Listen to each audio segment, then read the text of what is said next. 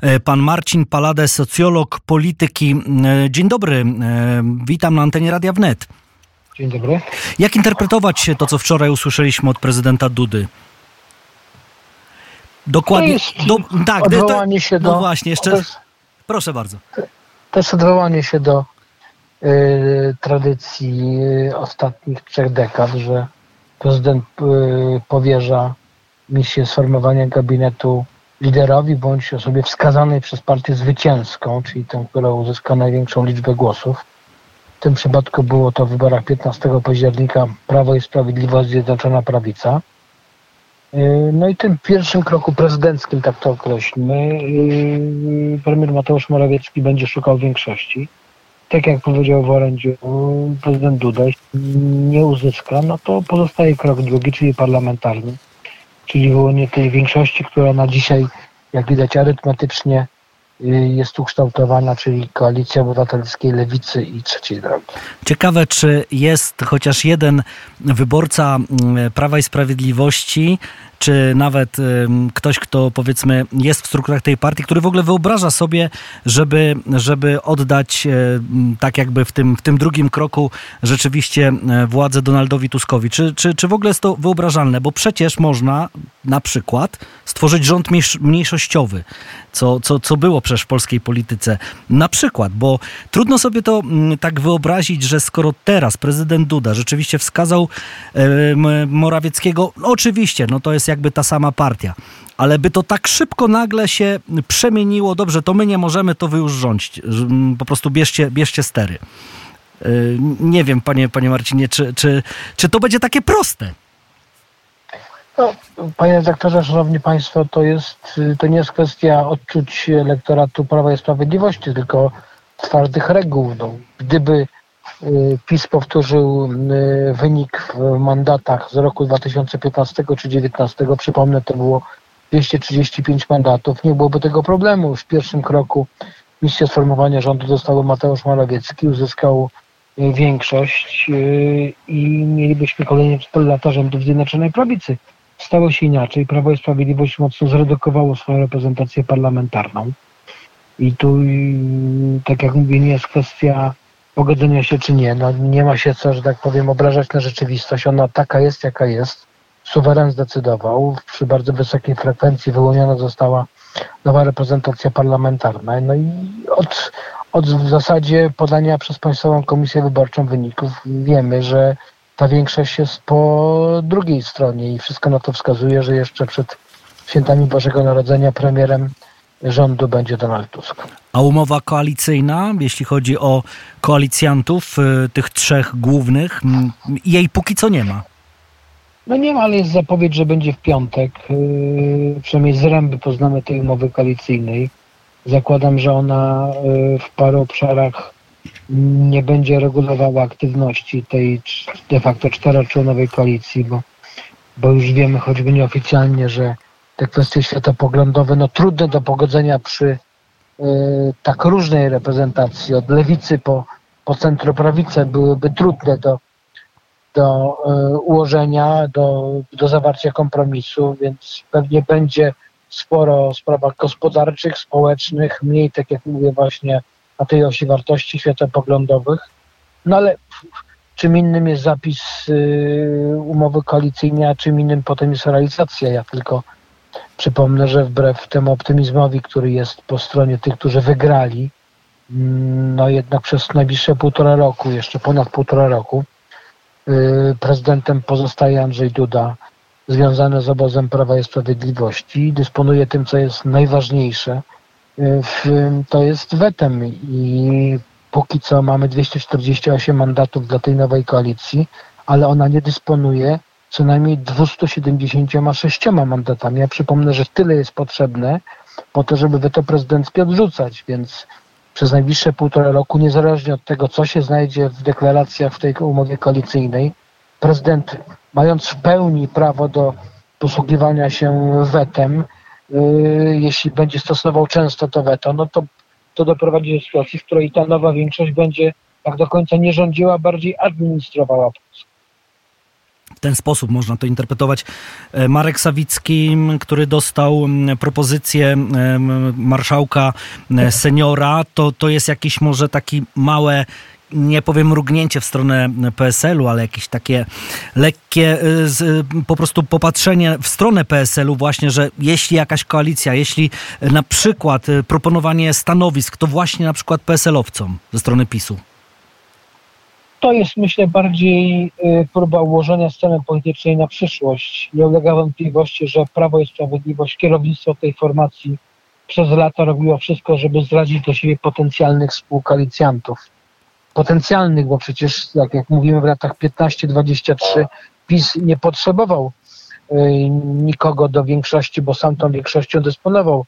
Tym niemniej w polskiej polityce trzeba po prostu, tak jak w ogóle w polityce, patrzeć mocno w przyszłość. Tak jak mówię, ze strony liderów PiSu nie było tego patrzenia w przyszłość, było wyłącznie przekonanie o tym, że ta większość będzie na wieki wieków. Tymczasem okazało się, no to było brutalne lądowanie dla PiSu, że tej większości nie ma, a teraz ci potencjalni y, współkoalicjanci, mam to na myśli PSL, Koalicję Polską czy Konfederacja, nie są zainteresowani współpracą, a arytmetyka też wskazuje, że gdyby PiS prowadził rozsądną politykę otwierania się na inne, nieodległe sobie środowiska, to dzisiaj jakby sumować y, mandaty y, PiSu, Konfederacji i PSL-u, to byłaby większość w Sejmie, a tak Y, właśnie przez tą nierozsądną prowadzoną politykę zrażania dla siebie potencjalnych współkoalicjantów Prawo i Sprawiedliwość pozostanie w opozycji. A jak pan e, sądzi, czy rzeczywiście e, teraz w obozie koalicji mm, już jest e, jakby porozdawane są stanowiska i tam na przykład też nie ma porozumienia, bo, bo, bo ktoś chce więcej, ktoś na przykład chce innego, powiedzmy o innej obsady? I tak na przykład mówi się, że takim no najbardziej można powiedzieć no, takim e, stanowiskiem, które jest najbardziej potrzebne, oczekiwane, to jest e, resort obrony narodowej, bo tam jest spokój, tam jest już wysoki budżet, e, tam, tam nie ma takich przesunięć rotacji. Na przykład ministrem obrony narodowej może być Władysław Kosiniak-Kamysz taką, taką opinię, nie wiem, słyszałem, lub ktoś na przykład właśnie z, z wysoko postawionych e, no, polityków koalicji. Czy tak rzeczywiście możemy to interpretować, że tam już jest rzeczy, taka walka o stołki? Panie redaktorze, no, to jest tak, że przy formowaniu większości jest program, ale też jest podział stanowisk i według tej wiedzy, którą dysponujemy, ta przyszła koalicja już generalnie co do większości resortów, podziału resortowego Polski się porozumiała. To będzie oczywiście bardzo trudne, bo y, tę koalicję de facto będą tworzyły cztery podmioty, a jeśli podsumować partie, które współtworzą, czy współtworzyły te komitety, to jest ich bodaj 11. No ale nie wydaje mi się, żeby to był jakiś y, problem uniemożliwiający. To jest kwestia jeszcze do końca pewnych przesunięć między podmiotami tworzącymi. Natomiast co do samego resortu obrony narodowej, no to byłbym bardzo daleki od tego, żeby powiedzieć, że to jest resort spokojnej pracy na najbliższy czas. Wystarczy popatrzeć na to, co dzieje się na Ukrainie. Mam na myśli wojnę po agresji Rosji na Ukrainę. Wystarczy popatrzeć na to, co się dzieje na granicy y, polsko-białoruskiej. Y, wystarczy popatrzeć na to, co się dzieje w strefie gazy. To jest co prawda od nas bardzo daleko, ale przecież to ma wpływ na tą globalną układankę. I resort obrony narodowej z całą pewnością nie będzie należał do tych, gdzie praca będzie miła, łatwa i nie, nie, nie, ch nie, chcę, nie chciałem powiedzieć o, o czymś spokojnym, bardziej chciałem powiedzieć o wysokim budżecie, o tym, że, że tam nigdy nie, nie będzie problemów e, jakby z budżetowaniem, z pewnych... Nie no, problemy będą, panie redaktorze, bo, bo nie ulega wątpliwości, że ustępująca ekipa przeznaczała bardzo dużo środków na dozbrojenie Polski. Chwała jej za to, bo żyjemy w niespokojnych czasach. Właśnie. A być może w jeszcze bardziej niespokojnych przyjdzie nam żyć w nieodległej perspektywie. Natomiast, natomiast wydaje mi się w świetle tych deklaracji, które są większości polityków, w tej nowej większości, nie dojdzie do jakiegoś zredukowania środków, które są y, przeznaczone na zbrojenie. Myślę, że tutaj będziemy mieli jednak do czynienia szeroko rozumianym konsensusem, czy też kontynuacją tego, co było w latach 15-23 i to dozbrajanie polskiej armii, zwłaszcza kiedy sporo tego uzbrojenia oddaliśmy Ukrainie, jest jak najbardziej wskazane, potrzebne. Dzisiaj w swoich mediach społecznościowych między innymi podjął Pan temat e, CPK, Centralny Port Komunikacyjny. Jakby to Pana zdaniem miało wyglądać, e, kiedy no, zmieni się rząd? No bo z jednej strony to plus, plus pobliskie koleje i tak dalej, czyli dowożenie i cały centralny port właśnie w Polsce, taki powiedzmy no Frankfurt u nas, e, byłby na pewno potrzebny, a z drugiej strony może być po prostu ta inwestycja skasowana przez, e, przez nową władzę. Jakie pan ma właśnie spostrzeżenie na ten temat? No panie że z całą pewnością jeden ważny kraj jest, nie jest absolutnie zainteresowany, żeby powstał centralny port komunikacyjny. Ja mówię o lotnisku, ja nie mówię o tym całym bardzo ważnym systemie dojazdowym, czyli, czyli rozbudowy niektórych linii kolejowych, tak żeby łatwo skomunikować z tym sercem, nazwijmy to, komunikacyjnym Polski, którym miało być CPK. Tym krajem są Niemcy.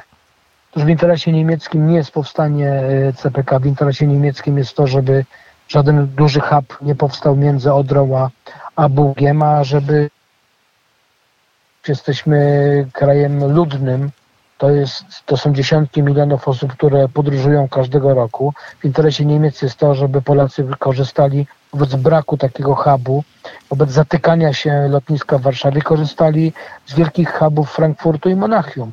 I z całą pewnością Niemcy zrobią wszystko, żeby uniemożliwić budowę CPK. Natomiast pytanie jest kluczowe takie, na ile na to zastopowanie tej inwestycji pozwolą Amerykanie, którzy byli od początku zainteresowani nie tyle tą częścią pasażerską, no bo trudno oczekiwać, żeby tutaj biznes amerykański widział jakieś swoje możliwości wobec takiego dystansu olbrzymiego, który nas dzieli i wobec niemożliwości połączeń bezpośrednich y, masowych ze Stanów do, do Polski, do, do CPK jako portu Y, jako portu takiego przesiadkowego, natomiast jest przecież drugie dno tej, tej inwestycji, to jest ta część bardziej militarna czy wojskowa CPK, czyli takiego bardzo ważnego punktu, jeśli chodzi o flankę wschodnią. No i, no i tak jak mówię, to Waszyngton ostatecznie rozstrzygnie, czy, czy, czy, czy naciśnie na przyszłą większość na to, żeby kontynuować tę budowę właśnie w tym aspekcie y, wojskowym tej inwestycji, Y, czy też stanie się to, co widzimy z ust wielu polityków, szczególnie koalicji obywatelskiej, żeby pomysł CPK y, wygumkować. Zobaczymy rzeczywiście i zobaczymy też, co, co przyniesie kolejny tydzień, pierwsze posiedzenie Sejmu y, i, i, i jak to wszystko będzie wyglądało. E, dziękuję bardzo za to spotkanie. Marcin Palade, socjolog polityki, był naszym gościem. Dziękuję serdecznie. Wszystkiego dobrego. Kłaniam się, dziękuję. Wszystkiego dobrego, dziękuję.